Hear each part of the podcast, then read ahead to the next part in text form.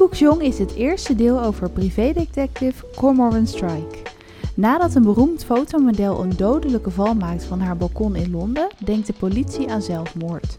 Toch krijgt Strike de opdracht om haar dood nogmaals te onderzoeken. Wij bespreken wat ons opviel aan deze Britse misdaadroman en vertellen welke auteur er schuil gaat achter de naam Robert Galbraith. Nou, lieve luisteraars, halverwege december inmiddels. Het jaar gaat snel, tenminste, dat vind ik dan. Uh, hier zijn we weer met een nieuwe aflevering. Maar uh, kerst komt er bijna aan, oud en nieuw. Ik vind december altijd een goede maand om veel te lezen. Ook af en toe lekker koud en dat je binnen kan zitten zonder excuus dat je buiten moet gaan wandelen en zo. Want er is toch allemaal veel te koud voor. Lekker op de bank met een dekentje, met heel veel thee en een mooi boek. Uh, dus ik ben heel benieuwd, Sophie, uh, wat is nou van het afgelopen jaar, misschien stel ik een hele moeilijke vraag, een boek dat jou zo in één keer te binnen schiet, mag van alles zijn, maar waarvan je denkt, ja, eigenlijk is dat boek me wel heel erg bijgebleven het afgelopen jaar. Van het afgelopen jaar, wat een goede ja. vraag. Jij hebt best wel veel mooie boeken gelezen. Um, ik denk dat ik uh, De Gelukkigste Man ter Wereld, een boek over, uh, ja, dat is een autobiografie, maar die heb ik best wel recent gelezen, dus dat ja. klinkt een beetje gek misschien, maar dat is wel een boek wat, waar ik regelmatig, uh, bijna dagelijks nog wel aan terugdenk. Dat ik denk, wow, dat iemand dat zo heeft kunnen opschrijven. En ja, en ik vind het ook wij zaten er ook net even over te spreken hoeveel boeken wij eigenlijk lezen. Dat is zo ongelooflijk veel. Ja, bizar. Op een gegeven moment word je denk ik ook een beetje kritisch of zo. Dan moet een boekje wel echt aangrijpen. En anders leg ik het ook best wel makkelijk weer weg. Dan denk ik, ja, hè, ik heb een abonnementje, kies dan wel een ander boek. Maar uh, ik denk dat als je zoveel leest, dat je ook wel wat kritischer wordt misschien. Zeker. En ik zit te denken, Duizend Schitterende Zonnen, die wij ja. samen hebben gelezen, die vind ik ook wel echt nog ja, steeds super mooi en indrukwekkend. Ja, ja. Ik, maar ik denk wel dat het iets zegt over een verhaal als je er nog bijna dagelijks aan moet terugdenken. En ook al is ja. het pas een maand geleden, als het jou zoveel heeft gedaan, dan heeft het wel heel veel indruk op je gemaakt. Ja, en het was helemaal geen dik boek, maar iemand heeft het gewoon zo puur vanuit zichzelf geschreven. En ook het feit dat het allemaal waar gebeurd is, ja, echt, echt onvoorstelbaar. Maar dat maakt het ook wel extra mooi, hè? Dat, ja, dat heb ik de laatste tijd met een paar boeken, dat ik denk, oh ja, dat, uh, dat vind ik wel interessant. Dat en, je weet dat uh, iemand het echt heeft meegemaakt. Ja. Dat uh, ja, maakt wel indruk. Nou ja, en waar ik net over zat na te denken, Rani Diaz heb jij mij natuurlijk aangeraden. ik ben daar dus vlak aan het einde van 2020 mee begonnen. Dus nu bijna een jaar geleden. En ik heb nu dus 17 boeken van uh, Rani Diaz gelezen. Ja, vriendin dat is ook niet ook. voor te stellen. 17 boeken. Hoe is het dan nog wel leuk, zei een vriendin. Ik zei, ja, maar het blijft gewoon elke blijft keer spannend. weer spannend. Maar dat was toch ook met die Helen Grace serie? Want er zijn ja. toch ook iets van 14 boeken. En toen zei je nog van, ja, ik had een paar weken vakantie. Ik heb echt superveel delen gelezen. En dat dan ook wel eens mensen tegen mij zeggen van, hoe, hoe krijg je zoveel gelezen? Maar dat is echt met luisterboeken. Je pakt op veel meer momenten gewoon even je boek erbij. Zonder dat je er heel veel moeite voor hoeft te Precies, doen. Precies, dat en is juist ook. dat maakt het, vind ik, veel laagdrempeliger, maar ook veel makkelijker om zoveel boeken te lezen. Je kan het gewoon een beetje over je heen laten komen en toch word je in het verhaal uh, meegenomen. Heel mooi en ook gewoon tijdens bijvoorbeeld, ik zeg maar wat de vaatwasser uitruimen of de was ophangen, zet ik ook al vaak een boek aan. Terwijl als je echt natuurlijk een papieren boek hebt, wat heel veel mensen ook kunnen waarderen, wat ik ook snap. Maar ja. dan moet je echt dat leesmomentje inplannen, is ook alweer heel goed voor ontspanning. Maar dan, ja, wij lezen ook als we in de trein zitten, bijvoorbeeld met dat luisterboek. Of, uh, ja, ja, heerlijk. Vooral in bed en uh, nou eigenlijk overal. Ook tijdens het wasophangen, zo saai. Ja, dan gaat het gewoon allemaal wat sneller, weet ja. je wel. En dan zit je helemaal in het boek. Want heb jij een boek dat je te binnen schiet dat je denkt... dat is me heel erg bijgebleven de afgelopen maanden of dit jaar? Um, ja, jij leest natuurlijk ook wel veel. Poeh. Ja, dat is een moeilijke vraag. Ik denk ook wel Duizend Schitterende Zonnen die wij hebben opgenomen toen... Ja, die was ook echt super ik, indrukwekkend. Ik moet ook zeggen, ja. als je dan die aflevering terugziet, dat je denkt, de tijd gaat ook zo snel. Dat is alweer zoveel maanden terug. Ja, en ik denk misschien ook wel, het klinkt een beetje um, mutsig of zo. de serie van de Zeven Zussen. Ik ja. denk in zijn geheel, het gewoon het verhaal zelf. Uh, ja, daar werd ik ook echt wel een beetje meegezogen. Het was een soort van sprookje, maar wel op een leuke manier. En daar hebben we uh, dit jaar natuurlijk ook weer een paar boeken van mogen lezen. En dat Lucinda Riley dus ook is overleden. Ja, dat blijf je ook gewoon echt heel erg bij. Die ja. serie heeft zoveel in zich ook. Ik denk daardoor ook wel dat ik dacht van... oh ja, die, die boeken, die losstaande boeken... maar ook die serie zou ik weer eens moeten herlezen. En dat doe ik natuurlijk ook wel uh, voor de podcast. Maar uh, nou, wij kunnen al wel uh, vertellen in het nieuwe jaar dat we Zeker. weer verder gaan met maan en uh, uiteindelijk ook uh, zon en dan het, het deel ja, wat deel nu 7. uit is. En ja, deel 8 komt dus ook nog. Dus we ja, hebben we hebben nog wel even gedaan. ja, dat denk ik ook.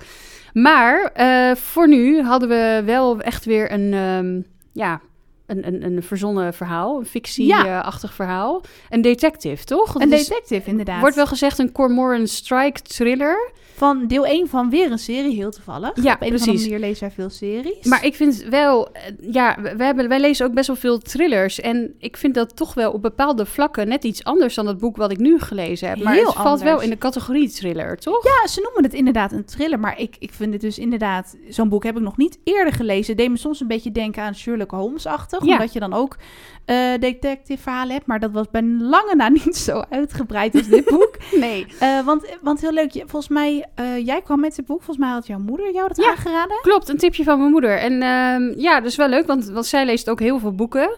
Dus af en toe, dan praten we wel eens over boeken natuurlijk. En wat heb jij gelezen en vond je dit ook zo leuk? En dan komen er wel titels die natuurlijk automatisch ook indruk hebben gemaakt, want die onthoud je dan het beste. En toen kwam ze met deze, zei ze, is wel heel leuk om te weten, want het is een pseudoniem van J.K. Rowling. Ja. Dat is natuurlijk de schrijfster van de Harry Potter reeks, die eh, jij met Davy hebt besproken. Ja, en jij bent ook wel groot Harry Potter fan, kan ik wel absoluut. zeggen. Ja, het heeft een heel speciaal eh, plekje in mijn boekenhart, om Ja. het even poëtisch te zeggen. Maar nee, echt heel leuk. En eh, ik vond het wel grappig dat ze dus zo'n andere weg ingeslagen is. En blijkbaar onder een andere naam. Want ik weet dat zij als eh, schrijver onder haar eigen naam ook nog Klopt. een volwassen boek heeft Goede raad of zoiets. Precies, ja. nou, nooit iets van gelezen. Ik weet Ik het niet, ook misschien is niet. wel hartstikke mooi. Maar nu dus onder een hele andere naam en ook een heel ander genre. En ja, het heeft helemaal niks met Harry Potter te maken. Nee. Super grappig dat het uit één pen komt, zeg maar. Ja, dat sprak me heel erg aan. Ik was heel benieuwd. Ja. En dit boek verscheen in 2013. En ja, wat denk jij? Even, zou dit een boek zijn dat je zou herlezen? Of zou je denken, hoe kijk je er een beetje op terug? We kunnen zo even in korte lijn ook aan jullie vertellen waar het een beetje over gaat. Hoe kijk ik erop terug? Nou, ehm, ja, lastig te zeggen. Ik zou het niet herlezen. Ik vond het eh, niet een heel verschrikkelijk boek. dat is wel heel erg. Maar ik vond het wel lang duren. En dat zegt vaak wel iets over ja, wat ik dan van de inhoud vind. Ik vond het allemaal best wel eh, veel tijd in beslag nemen. Heel gedetailleerd, heel uitgebreid. En ik denk dat je daarvan moet houden.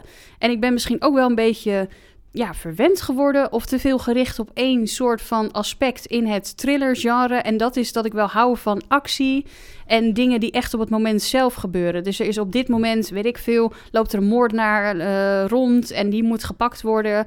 En die voert misschien nog eventjes wat eh, dingen uit in zijn plan. Die En dreiging. die ja. dreiging die neemt tot zijwegen. En wat gaat hij doen? Is er misschien nog een moordenaar of toch niet? En gaat hij nog meer slachtoffers maken? En nu had ik een beetje, ja, klinkt heel lullig, een mosterd naar de maaltijd gevoel met zo'n detective die dan wordt ingehuurd door een eh, familielid van de persoon die is overleden. En dan is het een beetje de vraag hoe dat gebeurd is. Heeft ze daar zelf eh, ja, aandeel in gehad? Ja. Of is er toch moord in het spel? Maar er is dus al een heel onderzoek geweest. En hij wordt ingehuurd, Cormoran Strike, als detective om naar die zaak te kijken. Drie maanden na de dood van eh, Lula Landry, hè? Precies, maar ook ja, alle dingen na te lopen die door de regisseurs al zijn uitgezocht en opgeschreven. En ja, ik weet niet of jij dat gevoel een beetje herkent, maar ik had tijd zo'n gevoel van ja, maar dit is eigenlijk allemaal al gebeurd. Klopt. En nu gaat hij er nog eens eventjes mee aan de slag. Maar het is niet dat er nou echt nog... Ja, dus, er zijn uiteindelijk komen er nog wel meer slachtoffers, toch? Maar Ja, eh, dat, toen, dat was ook een beetje het moment voor mij in het verhaal. Dat ik toen dacht, toen zat ik erin. Ja. Vanaf dat moment dat ik dacht, oh, er is nog een slachtoffer. Toen kwam de sneltreinvaart erin. Maar dat Ja. was wel echt ver in het verhaal. ik wou zeggen, eigenlijk als je erover nadenkt, het was 17 uur of zo. Het had toch ook Ja. best iets korter kunnen zijn. Nou, zeker. Want ik, ik vind... eh, ik wist natuurlijk al een beetje dat jij moest inkomen. Toen dacht ik, oh ja. ik had me dus een beetje op voorbereid. Want ik wist helemaal niet wat ik kon verwachten. Ik vond het wel een heel grappig idee dat eh, J.K. Rowling dit had geschreven. Ja, precies. Dat trok mij ook aan. En mijn moeder was zo enthousiast. Die had, weet ik veel, deel 4 gelezen of zo van 38 uur. Jeetje, ja. En eh, ze zei, ja, ik ga die andere delen ook lezen. Ik vond Oh, het wel heel wauw. mooi. En eh, toen dacht ik, nou, het is leuk om in de podcast te doen. Ja. Dan beginnen we bij deel 1. Maar grappig feitje dat het dus dezelfde schrijfster is. En dat het nu gewoon zo'n ander ja, aspect weer is van wat zij kan blijkbaar. En wat ze leuk vindt om te schrijven. Want herkende je dingen van haar schrijfstijl? Of vond je het echt compleet anders? Ja, misschien wel de humor. Een beetje droge humor. Maar Ja, is het ook niet een beetje algemene Britse humor? Ik weet het niet. Maar... Zou heel, en weer dus een man in de hoofdrol. Ja. En eh, hoe ze dingen beschrijft. En eh, ook wel grappig, Cor Moran Strike is dan de hoofdpersoon. eh, en die is een detective. Maar die heeft ook weer een bekende vader. Dus iedereen kent hem weer, weet je. wat? Toen dacht Ja. oh ja, dus een beetje zo'n bekend iemand. Dat vond ik wel grappig. Maar Maar, ik vond hem wel een eigenaardig persoon. Had jij Ja. dat ook? Of... Nou, zeker. En dat vond ik denk ik wel pluspunt aan het boek. Want het is, het is dus inderdaad een detective. En door uh, uh, John Bristow wordt Cormoran Strike, die naam zijn af en toe even een tongbreker, wordt hij dus ingeschakeld om uit te zoeken of het geen zelfmoord was van Lula Landry, een topmodel in Londen. Ja, wat het verhaal is dus dat uh, de proloog, daar, daar is eigenlijk die situatie wordt een beetje geschetst, toch? Dat het gaat ja. over een model en die uh, ja, ligt voor een appartementengebouw op de grond. En ze is dus overleden. Op een winternacht ergens bij de balkon. En het Precies. lijkt alsof ze is gesprongen. Ja, en iedereen denkt ook dat ze is gesprongen. Want hè, ze wilde gewoon zelfmoord plegen. Maar er zijn een aantal mensen die daar toch wel uh, ja, het, het, het zijne van denken. Ja, klopt. Waaronder dus die broer, die uh, daar wel zijn vraagtekens bij zet. Wat ook weer heel gek is uiteindelijk. Maar... Uiteindelijk wordt dat heel, is dat heel vreemd. Heel maar vreemd, we zullen ja. niet alles onthullen. Maar... Nee, maar sorry, het ging over Cormoran. Ja, ik, hij, is, uh, hij is wel eigenaardig, ja. Ik, ik vind dat, dat, ze dat ja. ook wel heel goed doet. Of hij, moeten we eigenlijk natuurlijk hij, zeggen. Robert, Robert. Maar ik vind dat ze die personen wel echt goed neerzet. En ook zo uitgebreid beschrijft dat, dat die bijna echt bestaan zou kunnen hebben of nou, zo. Dat is ook wat het, uh, wat ik het, het... Aan de ene kant is het te uitgebreid soms. Ja. Aan de andere kant is dat ook weer pluspunt. Uh, er wordt echt heel veel tijd genomen om de karakters te beschrijven en te introduceren. Van uiterlijk heel uitgebreid tot uh, verleden en privéleven. Uh, want je leest dus over Strike, de hoofdpersoon, dat hij uh, ook in Afghanistan heeft gewerkt. En dat hij eigenlijk best wel in een, ja, de problemen zit. Hij is uit elkaar met zijn vriendin, volgens Zeker, mij. ja. Zijn relatieproblemen, zijn vriendin is bij hem weg, financiële problemen, heeft heel veel schulden. En heeft eigenlijk ook nog ja, een soort van acceptatieprobleempje met zijn uh, beperking. Ja. Uh, zijn fysieke beperking, dat is dat zijn been is geamputeerd na een of ander schietbomincident in Afghanistan. In Afghanistan, ja. En volgens mij kan hij dat ook niet echt een goede plek geven. Want aan de nee. ene kant wil hij niet dat het er is, dat het bestaat. Uh, maar aan de andere kant moet hij er wel iets mee, omdat hij ook gewoon goed voor zijn, ja, voor zijn resterende been moet. Oh, ja. dat klinkt heel lullig. Uh, ja. ja. nee, klopt. Voor, voor, voor, zijn been wat er nog zit, zeg maar. Ja. Dat, dat, moet hij gewoon goed behandelen en daar, ja, dat in acht nemen. Maar dat ja, doet hij ook niet altijd. Nee, precies. En dat is wel krachtig aan het boek, dat de auteur dat heel levendig allemaal schetst. En de gedachten ja. van de persoon, van de hoofdpersoon en ook van de andere karakters. En uh, inderdaad ook droge Britse humor. Uh, hè, dat de karakter gewoon zich in de spiegel aankijkt en, en uh, ook best wel veel zelfspot heeft en hard naar zichzelf is. Uh, en daardoor um, wordt het ook wel, raakt het je ook wel als er iets gebeurt met de karakters uit het ja, boek. Ik vond het dus ook wel treffend dat hij, wat je zegt, hij is ook heel hard voor zichzelf. Hij vindt ja. zichzelf maar lelijk en een niksnut eigenlijk. Niks nut, vindt het allemaal ja. niet waard, een mislukking, heeft financiële problemen en, en niemand mag hem helpen. Dat wil hij allemaal niet ja, daardoor krijg je ook wel een beetje medelijden met hem of zo. Ja, dat, dat niet, vond ik gunt ook. hem ook wel weer wat. Maar aan de andere kant gedraagt hij zich ook een beetje als een harde, ja, horkerige man. Ja, ik, ik weet nou niet zo goed of ik hem heel sympathiek vind. Want hij is... Nou ja, hij is, is, best wel in zichzelf gekeerd en heeft heel ja. erg het belang van de zaak voorop. Want dat vond ik dan wel weer...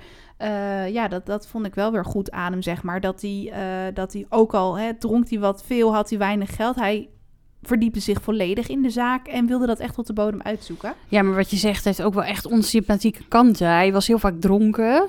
Uh, best wel, ja, hoe noem je dat? Individualistisch. Uh, ja, met zichzelf ook. bezig, niet attent. Tegen uh, Robin, zijn collega bijvoorbeeld. Nee, ook niet. Terwijl ze echt de benen uit de lijf uh, liep voor hem. Om alles maar te regelen. handen met haar. Zeker. Ja. En uh, ja, dat, dat, daar gaat hij ook niet heel uh, goed mee om. Maar uiteindelijk ook weer wel, weet je wel. Dus hij heeft wel zijn momenten, maar ook weer niet. Ja. Ik weet niet. Het is heel dubbel wat je zegt. Dus, dus dat wel. En dat is ook een beetje de kern van het boek. Want hij gaat dus inderdaad het moordonderzoek, wat al is uh, gestopt, gaat hij weer openen als detective. En gaat hij weer alle mensen die erbij betrokken kunnen zijn, weer interviewen. En al die mensen worden stuk voor stuk ook weer heel uitgebreid beschreven. Hoe ze eruit zien, wat ze dragen, hoe ze overkomen, wat hun trekjes zijn. En dat is natuurlijk wel heel goed voor een beeldend, uh, zeg maar, een beeldend inzicht in hun karakter en van ja. het verhaal. Maar Ja. ik denk dat wij dat allebei misschien soms een beetje te langdradig soms vonden. Dat we dachten, waar is de spanning of zo? Ja, en ik denk ook omdat hij dus niet de beschikking heeft over de hulpmiddelen waar de politie wel gebruik van kan maken. Het enige wat hij kan doen is in gesprek gaan met, met omstanders, letterlijk omstanders eh, waar zij zich mee heeft omringd in haar leven. Heel sec ook verder geen gekke middelen, nee. Nee, want dat heeft hij helemaal niet. En hij kan daar ook helemaal niks mee. Hij kan niet in de systemen, hij kan niks met vingerafdrukken, hij kan niks met, uh, weet ik veel, bewijslast die er misschien niks al ligt of zo. Nee. Niks afluisteren, hij mag natuurlijk niks officieels verhoren. Het is alleen maar als detective. En vrijwillig, die mensen kunnen ook gewoon zeggen, ja, ik hoef ik heb er geen zin in te werken. Nee, ja. precies. Het is niet de politie. Dus het heeft misschien op dat vlak ook wel wat minder spanning, omdat de dreiging inderdaad, wat je zegt, er niet is. Um, ja, moet hij het daarvan hebben? En dan is het inderdaad allemaal wel heel uitgebreid. Dat ik denk, nou ja, als dit het is, weet je wel, als er verder niet nog een bom gaat ontploffen of zo, figuurlijk dan. De, inderdaad, op een gegeven moment denk je van, is dit, want het gaat eigenlijk allemaal om één enkele dag of eigenlijk nacht, waarin Lula Landry dus van het balkon is gevallen of geduwd of gesprongen of wat dan ook. En dat is je aan het onderzoeken en daar zijn een paar mensen bij betrokken. En dat is hoe het hele boek ja, gaat. Dat die mensen uh, worden ja, verhoord of worden ondervraagd door Strike. Ja, eigenlijk wel. En op die manier komt er eigenlijk achter steeds meer flintertjes informatie. En het tijdsbestek, of hoe noem je dat? Tijdspad is Ja. heel kort. Het gaat maar over één nacht, maar ik vind het duurt heel lang voordat hij een beetje in beeld krijgt wat er nou precies is gebeurd die nacht. En er zijn ook gewoon mensen die allemaal iets verschillends zeggen over haar. De een vindt haar onaardig, de ander vond haar arrogant, weer iemand anders vond haar verwend. Eh, de ander zegt eh, het was een, eh, een lief meisje. Ja. De ander zag haar een beetje als oogappeltje. En al die verschillende meningen van die mensen... die moeten zich vormen naar één beeld van Lula Landry. Ja, En ja, dat is ook gewoon lastig, want iemand is er niet meer. En wat ik ook wel op zich treffend vond... is dat er op een gegeven moment een keer een moment komt... ik dacht met foto's of zo... ja zou dat hij zich opeens besefte van... oh, dat is... eh, nu, nu, krijgt, nu krijgen al die verhalen een stem. Nu kan ik eindelijk zien wie het was. En ehm, ja, of dat... eh, ik weet niet meer. Dat er een brief van haar was of iets, iets tastbaars, zeg Ja. maar. Dat hij dat even kon lezen en tot zich in eh, kon laten werken. En toen eindelijk dacht van... oh ja, nu krijgt het allemaal vorm... en eh, weet ik een beetje over wie dit gaat. Maar dat Ja. zijn natuurlijk alleen maar verhalen van anderen. Daar moet hij het mee doen. Daar, daar moet hij de waarheid uit filteren in Ja, feite. Hij schrijft ook alles heel uitgebreid op. En uiteindelijk, ehm, ja, er komt dus iemand van een uitzendbureau, Robin, eigenlijk als secretaresse daar werken. Maar die merkt al snel, hij heeft niet eens theekopjes, weet ik veel wat. Ze ziet al vrij snel, eh, eh, volgens mij, een bed staan of eh, verhuisdozen. Ja. Ehm, hij, volgens mij komt hij in principe ook met een, een blauw oog of zo eerst. ja, ze hebben best wel verwilde de eerste ontmoeting. Precies, Omdat en- hij dan zijn ex volgens mij de deur uit Oh, dat was ook heel apart. Hij gooit haar bijna van de trap of zo. Ja, en hij heeft allemaal krassen en bloed in zijn Ja. gezicht. En, Robin is echt zo'n keurige Ja. secretaresse. En die is helemaal blij, want die is verloofd met haar vriend. Ja, en, die is dat helemaal, dat is helemaal perfect gegaan. uitgebreid verteld. Ja, heel uitgebreid allemaal. Maar ik vond het op zich wel leuk. Die, die band tussen hen of zo. En, en wat je zegt, aan de ene kant is hij ook af en toe heel erg ondankbaar. Maar dan uiteindelijk toch ook weer niet. Dan realiseert hij zich toch wel dat hij goud in handen heeft met ja. haar. Dat en zegt hij ook letterlijk. Ja. Ja. precies. Van ik kan je gewoon niet betalen. En dan weet ze uiteindelijk wel, omdat ze al tachtig keer instanties heeft gebeld, dat hij eh, geldproblemen heeft. En Robin, wat vond je van haar dan? Want zij was ook een beetje op zoek naar spanning eigenlijk. Ja, dat denk ik wel. Eigenlijk was ze een best wel keurig, braaf meisje. Dat ze helemaal had uitgestippeld hoe haar toekomst zou verlopen. En die eh, vriend van haar, die vindt het ook niet echt een heel leuk idee dat ze bij die Cormoran werkt. En waarom precies, weet ik eigenlijk niet. Maar Hij is bang dat hij achter de aan zit Ja, of zo. Jaloers of zo. heel voor de hand ligt. nee, maar- want eh, hij eh, heeft al heel opzichtig geknikt naar de ring en daar iets over gezegd. En hij heeft al heel duidelijk gemaakt van, nou, ik weet dat je verloofd bent en prima. Ehm, maar ja, eigenlijk zet ze door die beslissing haar uitgestippelde leventje wel een beetje ja, op zijn kop. Want Ja. er- gaan wel allerlei eh, dingen gebeuren. En ze raakt toch wel steeds meer betrokken ook bij die zaken. Dat wil hij eigenlijk niet, die Cormoran. En zij vindt dat eigenlijk toch wel fantastisch. Ze vindt dat veel interessanter dan eh, op een zakelijk kantoor werken of zo. Ja, dat vind ik wel ja, ja, grappig. dat vind ik ook wel leuk. En dat ze uiteindelijk toch besluit om daar te blijven. Want, ja, ik denk dat dat wel... want ze zou dus moeten zoeken naar een andere baan. En daar hoort hij ook telkens maar niks van. En hij heeft zoiets van, ja, heb je nou wat gevonden of niet? En hoe staat het daarmee?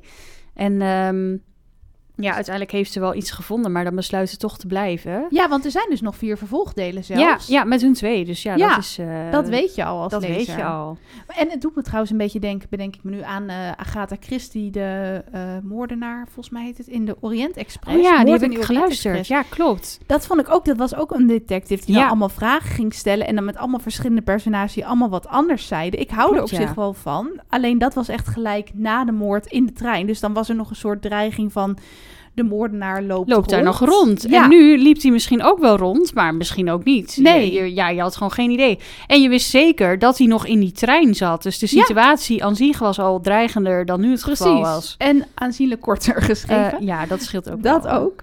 Maar wat vond je van alle be- betrokkenen? Want je had, je had best wel mensen. Je had de buren in het appartement bijvoorbeeld... die iets hadden verklaard eh, dat ze een stem hoorden... in Ja. het appartement van Lula. Maar dat bleek uiteindelijk helemaal niet mogelijk te kunnen zijn, want die ramen waren geluidsdicht en dat ging Ja. je dan ook helemaal testen en zo. Dus uiteindelijk werd er wel getwijfeld aan die verklaring. Maar weet je, hij praat met de bewaker, met de schoonmaakster. En dan kom je erachter, nou, ze woont niet in het meest standaard appartement Wow, of nee. zo. Echt zo'n vijf wel, sterren. eh, wel chic inderdaad. En ze had een chauffeur, daar praatte die mee. En die chauffeur wilde eigenlijk via haar een beetje hoger Die vond ik opkomen. ook een beetje verdacht. Ja, dat vond ik wel een, een beetje een raar eh, mannetje. Want die was de enige die iets zei over een blauw papiertje. Ja, dat ze inderdaad. op een blauw papiertje schreef. Ja, dat had hij dan gezien of zo. Verder had niemand het zogenaamd gezien. Nee, dat was ook heel apart. Nou, en dan had je dus die broer, die was ook een beetje hysterisch. En Die eh, ja. ja. die vroeg hem dan om hulp, uh, Cormoran. En ze kenden elkaar via de broer van John, want die was geloof ik overleden of zo. Charlie, ja, die, Charlie? dat was dan weer een klasgenootje vroeger van Cormoran, inderdaad. Ja, ja, dus hij werd via die eh, weg eh, ja, ingehuurd. En dat was ook wel fijn, want hij had het geld echt heel hard nodig. Ja, en die eh, John was hartstikke rijk. Want die hele familie inderdaad, dat is misschien wel leuk om te zeggen, die hebben dus, die waren hartstikke rijk. Dus die Ja. konden gewoon lekker dat dubbele tarief aan Strike betalen. Ja, dat kon. En ze waren dus alle drie geadopteerd. Dat schijnt ook nog een belangrijke rol te spelen. Die Bristow en zijn zus Lula Landry en dus die Charlie, die als Ja. kindjes overleden. Die zijn Inderdaad. alle drie geadopteerd, toch? Ja. ja, volgens mij wel.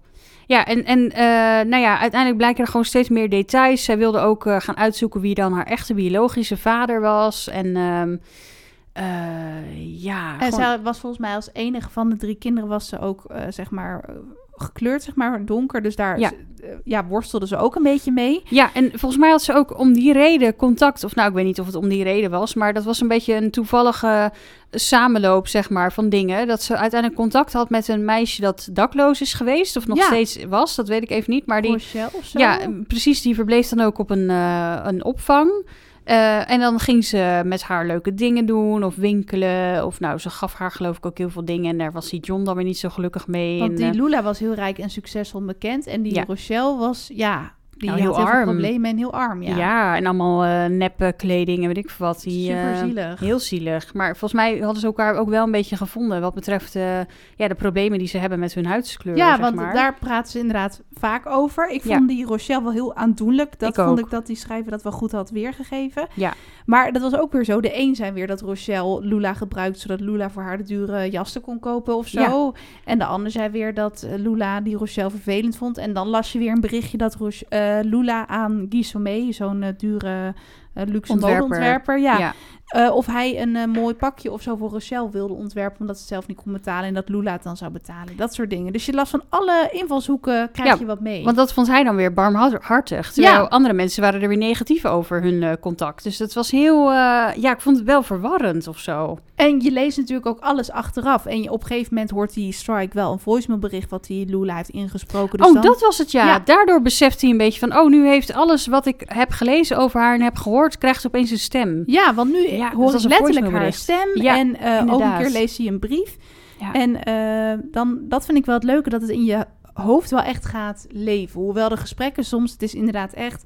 eh, het wordt gewoon heel uitgebreid beschreven welke vragen die stelt aan de mensen... en hoe ze daarop reageren, verbaal en non-verbaal. Ja, ik vond het wel eigenlijk iets te uitgebreid. Maar ja, wat ik zeg, misschien ben ik gewoon gewend aan een beetje die snellere thrillers. Zoals eh, Robert Brinza. ehm, Dat er eh, gewoon meerdere slachtoffers vallen, ja, het is heel erg. Ja, zijn gewoon van MJ Arledge. Ja, er hoeven niet per se meerdere mensen dood te gaan. Nee. Maar het mag allemaal wel ietsje sneller gaan of zo. Een beetje de want op een gegeven moment wo- wordt er dus nog een slachtoffer gevonden. Misschien moet in het midden laten wie dat dan is voor Ja. de le- luisteraars.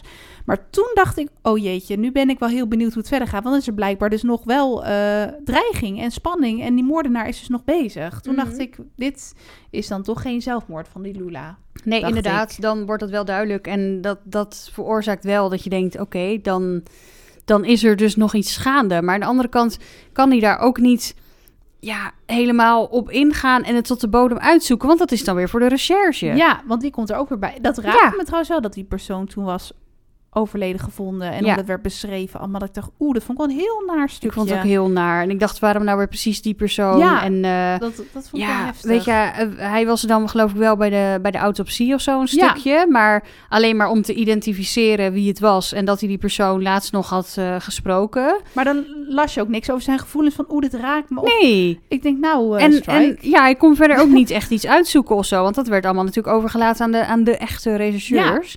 Klopt. Ja, dus dat miste ik dan weer wel. Maar ja, dat is gewoon denk ik echt een detective. Daar moet je van houden. En wat je zegt, misschien lijkt het ook wel heel erg op eh, Moord in de Orient Ja. Express. En bepaalde details leiden dan naar de oplossing. Dus dat vind ik wel grappig. Dat, dat je op een gegeven moment heb je dus niet per se door, tenminste ik niet, dat bepaalde dingen van belang zijn. Bijvoorbeeld Nee. die tassen met die voeringen die eh Guy Eh, maakt. Ja. En waar Lula helemaal gek was. Dan kon je de voering eruit ritsen. En ik dacht, ja, wat maakt dat nou uit? Ja, Eh, daar wordt dan helemaal op ingegaan. Maar later Ja. kom je dus achter dat dat best wel een sleutelrol heeft. zeker, Want zeker. die Guy Sommet was ook wel een excentriek karakter. Eh, ja, absoluut. Ja, ik denk dat je ook door omstandigheden in je leven wel een beetje zo wordt. Was hij ook niet gepest vroeger of zo? Ja, hij had helemaal een andere naam aangenomen. Ja. Volgens mij was zijn vader ook alcoholist of zoiets. Precies, hij wilde ook helemaal niet meer heten zoals hij vroeger heette. Nee. En ehm, ja, ik denk ook door wat hij maakte, een bepaald beeld eh, uitdragen. En ja, een soort van zijn gevoel ergens in kwijt of zo. En iets doen wat mensen heel graag willen kopen. Dat maakt hem natuurlijk ook weer belangrijk. Ja, en al die kleding werd dan ook weer heel uitvoerig beschreven. Eh, maar het leek wel, vond ik, alsof hij echt wel een hechte band had met die Lula. En dat je ook denkt, speelt iemand het nou? Wie spreekt nou de waarheid? Ja, precies. Maar wel? dat vond ik ook wel. Ze hadden wel een beetje op hun manier. Want ik heb ook het idee, hoe meer geld je hebt, hoe oppervlakkiger het Het allemaal was wel wordt. veel geld en ons kent ons. En, eh, Precies. En eh, weet je, wij, wij zouden daar niet gezellig op de koffie kunnen gaan zonder dat we ook Nee. even wat te melden hebben, zeg Nee, maar. precies. Maar ja, ik denk hoe dat dan in de omstandigheden waarin zij leven een beetje ehm, ja, ontstond, leek het wel alsof ze een, een warme band voelden voor elkaar. Ja, Alsof dat echt oprecht was. en dat dus Lula ook die Kiso mee had gebeld dat ze heel gelukkig was over iets. En dat ze hem dus echt iets wilde vertellen. En dat heeft ze dus nooit kunnen vertellen omdat ze dus toen overleden was. Toen dacht ik ook gelijk, oh die is in verwachting. Maar dat ik zal ik niet Oh. verklappen of dat echt zo is. Maar dat is dus toch iets... Oh, ik wou net aan een jou iets andere vragen. Oh, ik, ik schaam me heel erg, maar... Ja, nee, dat is dus toch eigenlijk de plot. Want ze vindt iemand. En nou ja, Ja, oké, dat is oké. het lastige met de plot. Ik wil het wel vertellen, maar ik denk dat dat wel... Nee, dat nee, nee, ik denk dat ik weet wat je bedoelt, Ja. inderdaad. Ze was op zoek naar iemand en die vindt ze En uiteindelijk. daar en dat- was ze dus waarschijnlijk heel blij Ja, over. oh, ik dacht even dat je iets anders bedoelde. Ja. Ik denk, was er nou nog een detail wat ik niet helemaal... Nou, ik dacht eerst misschien is in verwachting Ja, daarom precies. uit dat balkon geduwd. Maar dat Oh, was dus nee, toch niet zo. Dat was een andere aanleiding. Nee, je hebt helemaal gelijk. Daar gaan we niet verder... eh, Dat, dat moeten we aan de lezer laten. Ik Want dat was wel spannend. je hebt al heel veel uren waarin je gewoon moet luisteren naar details en situaties, schetsen en gesprekken die worden gevoerd. Dus laten we nou dat eh, anderhalf uur dat de, de plot eh, op tafel komt Ja. eh, even aan de lezer zelf. Precies. Ja, dat werd. Want wat vond je het eigenlijk geloofwaardig, die verklaring ook dat je dacht over bijvoorbeeld die Bestigrees? Want die zeiden echt dat ze een stem hadden gehoord. Had jij het gevoel van. Kan ik, ik kan nu zelf die moord oplossen? Of, of had je het gevoel, Eh. dit leidt niet echt ergens heen? Nou, ik dacht wel, het zou wel heel makkelijk zijn als de persoon die het uiteindelijk gedaan heeft, het ook echt had gedaan, zeg Ja. maar. Nou, en toen bleek het ook wel zo te zijn. Toen dacht ik, oh, dat vind ik nou wel jammer. Ja. Eh, dus ik vond het een beetje tegenvallen, eerlijk gezegd. Maar het plot aan zich vond ik wel spannend. Ehm, maar ik denk wel, want die, die, die best degrees, daar zat toch uiteindelijk wel een kern van waarheid in. Omdat die vrouw ja. zich had verstopt ergens of zo. Ja, zij, volgens mij was zij buitengesloten. Precies, ze hadden ruzie of zo. En toen was ze buitengesloten en toen heeft ze dat dus gehoord. kon- en dat vind ik dan wel weer goed bedacht. Dat je Ja. denkt, oh ja, op een andere manier kan ze het dus wel gehoord hebben. Ja, en het ligt er maar net aan wie het dan vertelt. En dan Ja. uiteindelijk, dan, ja, dan vat hij ehm Cormor en al die dingen samen. En dat wat de reden was dat de vloer nat was. En eh, dat Ja. de vaas was omgevallen. En eh, Dat had ook weer een goede reden. Precies, dat de schoonmaker wist dat hij weg was. En dat hij bij zijn moeder de, de, de, klok had verzet om eh, hè, op de goede tijd op Hoe de goede plek te zijn. Van die klok, dat weet ik even niet meer. Maar dat had hij ook ine- ineens viel alles op zijn plek. Ineens viel alles op zijn plek. Dat ging heel snel. Ik dacht nou, je had wat mij betreft wel eerder al met die puzzelstukjes kunnen beginnen. Dan was het niet in, in 10 seconden de hele puzzel al gelegd, zeg maar.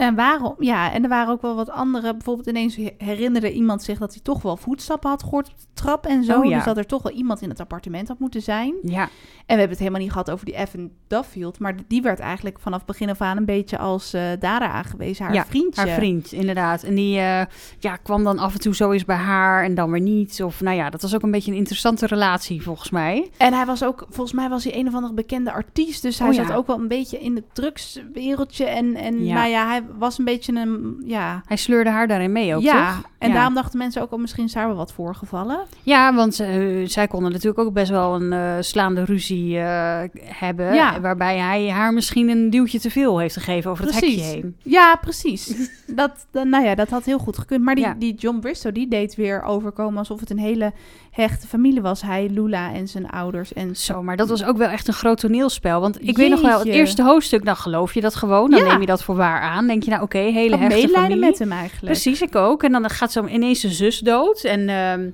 En zijn moeder was ziek en zijn broertje is jong overleden al. ja, precies. Nou, Ja. dan wil je uitzoeken hoe dat dan is gebeurd. Logisch. En dan doet de, re- de recherche maar niks. En die sluit op een gegeven moment de zaak, want die zien er ook geen hel meer in. Ja, ik had inderdaad wel medelijden met hem. Ik vond hem een beetje hysterisch. Maar ik dacht, ja, god, eh, het is ook wel zielig of zo. Dus ja, het is zo gek hoe... Dat heeft ze denk ik wel knap gedaan. Of hij, moet ik natuurlijk Ja. zeggen. De hele tijd zeg ik ze. Ehm, ik. Maar dat er zoveel personen zijn die allemaal een ander stukje vertellen. Maar soms ook over dezelfde situatie vertellen. Maar met een heel andere ehm, ja, referentiekader. Of idee van hoe zij dat hebben beleefd.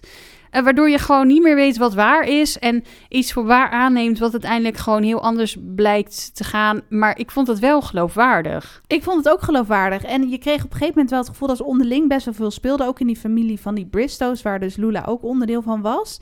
En dat mensen best wel naar elkaar wezen. En er was best wel een kille sfeer onderling. En ook met die oom eh, Landry. Nou, ik noem nu al zoveel namen dat ik denk, er zijn echt heel veel personen in dat boek voorbij gekomen, de revue gepasseerd. Ja, en dat vond ik af en toe ook wel lastig hoor. Dat er echt steeds meer mensen bij kwamen. En dan ging er een heel hoofdstuk over één persoon die dan een afspraak had met die Cormoran om Ja. een bepaald tijdstip. En dat daar dus helemaal naartoe gewerkt moest worden. En uiteindelijk dat gesprek zelf en na afloop en wat hij toen allemaal deed. En toen was ik eigenlijk al die andere personen alweer vergeten. Ja. Omdat die hele dag, dat duurt al drie hoofdstukken zo ongeveer. Ja, het werd ook een beetje letterlijk beschreven waar hij dan even in zijn favoriete pub iets ging Ja. drinken. En op zich was dat wel leuk, dat je ook een beetje... Want jij zei volgens mij ook, op een gegeven moment was ik misschien nog wel meer geïnteresseerd in het privéleven...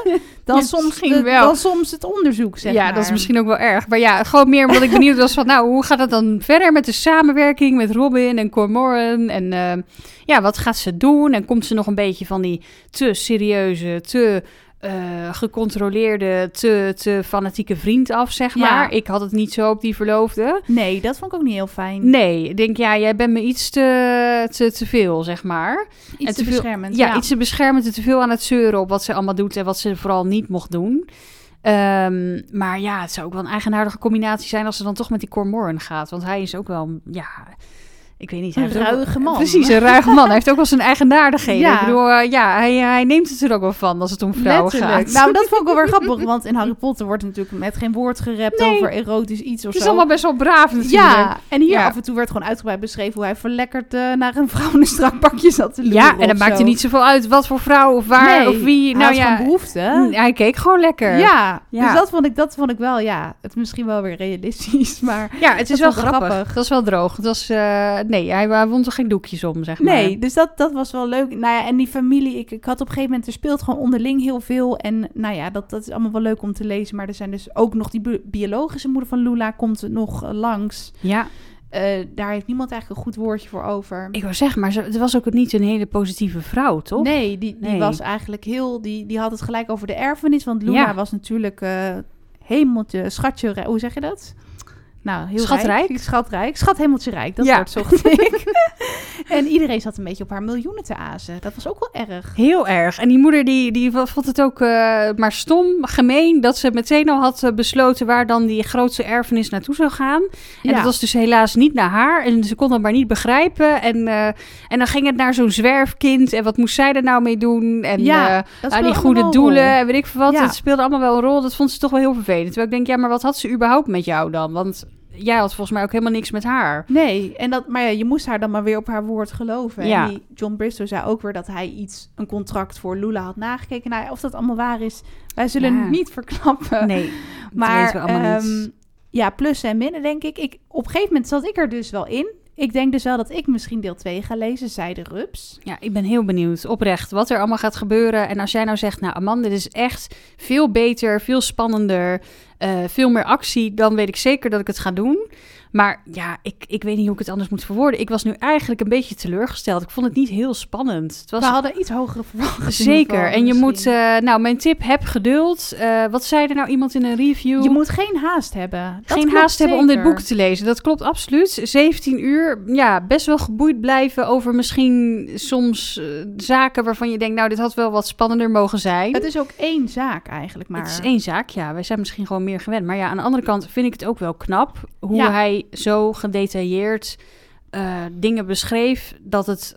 Ik vond het wel interessant om naar te luisteren. Ik vond het niet daadwerkelijk saai.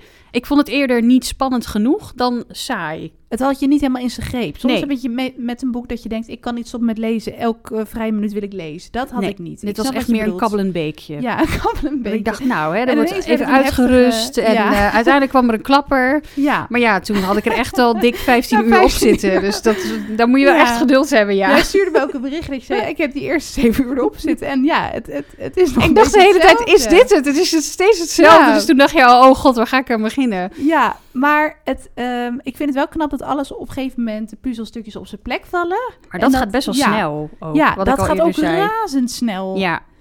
Als Strike eenmaal de oplossing weet, dan wordt dat even heel snel aan je gepresenteerd. Ja, uh, en toen dacht ik, nou, dat had hij ook wel meer kunnen spreiden of zo. Ja, misschien wel. Misschien heb ik sommige details gemist dat ik het zelf al kunnen weten. Dat kan ook. Maar ik vond het wel een leuke ontknoping. Maar ergens zag ik hem een klein beetje aankomen. Ja, ik wil zeggen, dus dat gevoel herken jij wel. Wat ik Ja. net zei. Van nou, ik, ik had het ergens ook te makkelijk gevonden, zeggen, zeg Nee. maar. Dat ik dacht van nou, hij had ook een andere keuze kunnen maken. Die misschien iets minder voor de hand lag. Ja, maar ik was dan wel weer... Nou ja, ik wil niet zeggen, maar dan, dan klap ik het misschien. Maar Oh ik, ja. vond het wel, ik vond het wel dat ik dacht... Waarom deze persoon... Nou ja, jullie moeten het maar gewoon gaan lezen. Ja, ja, maar ehm, ik vond het wel knap dat alles op een gegeven moment op zijn plek viel. En dat dus die personen allemaal eh, verschillende verklaringen hebben gegeven. Die wel allemaal uiteindelijk met elkaar dus... Oh, dat je daar één eh, algemeen verhaal uit kan halen. Dat vind ik dan toch wel weer knap. Van vind ik ook knap. En ik denk ook als je van. als lezer denkt, ik heb nu al zoveel woeste zeeën en hoge golven overwonnen. Ik wil eventjes een rustig watertje waar het allemaal niet zo heel erg gehaast en eh, actief hoeft te zijn. Ik wil gewoon even genieten van de omgeving van Londen. Ja, even en Londen wanen de gewoon. beschrijving van mensen. En gewoon even het, de tijd nemen om rustig gesprekken te voeren. En ja, naar meer te kijken dan wat iemand alleen maar zegt. Maar ook hoe iemand non-verbaal reageert. Eh, wat, eh, wat misschien dieper liggende aanwijzingen zijn die je als lezer niet meteen opmerkt. Ehm, dan is het echt een boek voor jou, denk Zeker. ik. Het is, het is zeker niet saai. Het is gewoon ja, wat rustiger dan ik gewend ben. Klopt. En het is zeker wat mij betreft een pluspunt dat het zich in Engeland afspeelt. Ik denk als dit eh, in Zaandam of zo had afgespeeld, had ik misschien... Maar dat vind ik gewoon, daar geniet ik altijd gewoon van. Die pubs en al die Ja. Londense wijken. Lijkt wel heel namen. gezellig of zo. Ja. Ik weet niet. Heeft En dan gaat het sneeuwen of zo. En dan Ja. gaan ze lekker op Zo op winters. Ja, ik vind het heel winters. Ik Ja. vind het heel... eh, Ik vond het ook heel leuk. Gewoon de sfeer, de omgeving beschrijven. Dat kan ze wel echt heel goed. En dat, Ja. dat misschien merk je dat ook een beetje natuurlijk in Harry Potter. Dat is een hele fantasiewereld. Maar dat beschrijft alsof het allemaal echt bestaat. En dat komt in dit boek ook absoluut eh, naar voren. Ook Ja. hoe, hoe- al die ruimtes, dat wordt levens echt heel filmisch bijna verwoord. Ja, vind ik ook. Absoluut. Dus nee, zeker. En eh, ik ga dus wel beginnen, denk ik, in deel 2. Ik laat jou zeker weten of ik hem je zou aanraden. Ja, ik ben heel benieuwd oprecht. Ik eh, ben enthousiast. Nou ja, ik ben gewoon enthousiast eh, over het idee van... nou, wat, wat gaat hij dan allemaal nog meer doen? En misschien worden de zaken uiteindelijk ook wel gewoon weer interessanter. Dat kan natuurlijk ook. Ja, ik ben heel, en het zijn ook wel allemaal mooie titels. Ook Koekoeksjong vond ik wel een opvallende titel. Maar wij Ja. zijn, dat slaat dan op Lula, toch? Die wordt toch Koekoek genoemd of zo? Ja, ik denk het wel. Door, door die eh, modeontwerper. En volgens Oh, mij ja. was het contact tussen hen best wel ja, warm... voor wat je kan zeggen over de omstandigheden waarin ze zitten. Ja, Eh, dat hij haar kleding ontwerpt... en dat zij in principe eh, lopend Model reclame staat, maakt. ja. eh, model staat voor hem, voor zijn merk.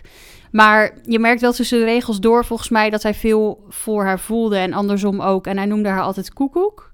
ja, dat vond wel lief. volgens ja. mij noemde zij hem ook iets. Ja, Of- precies. Iets van, van Ik weet het niet meer. of zoiets. Ja, Chichi volgens mij. Ja, zoiets was het geloof ik.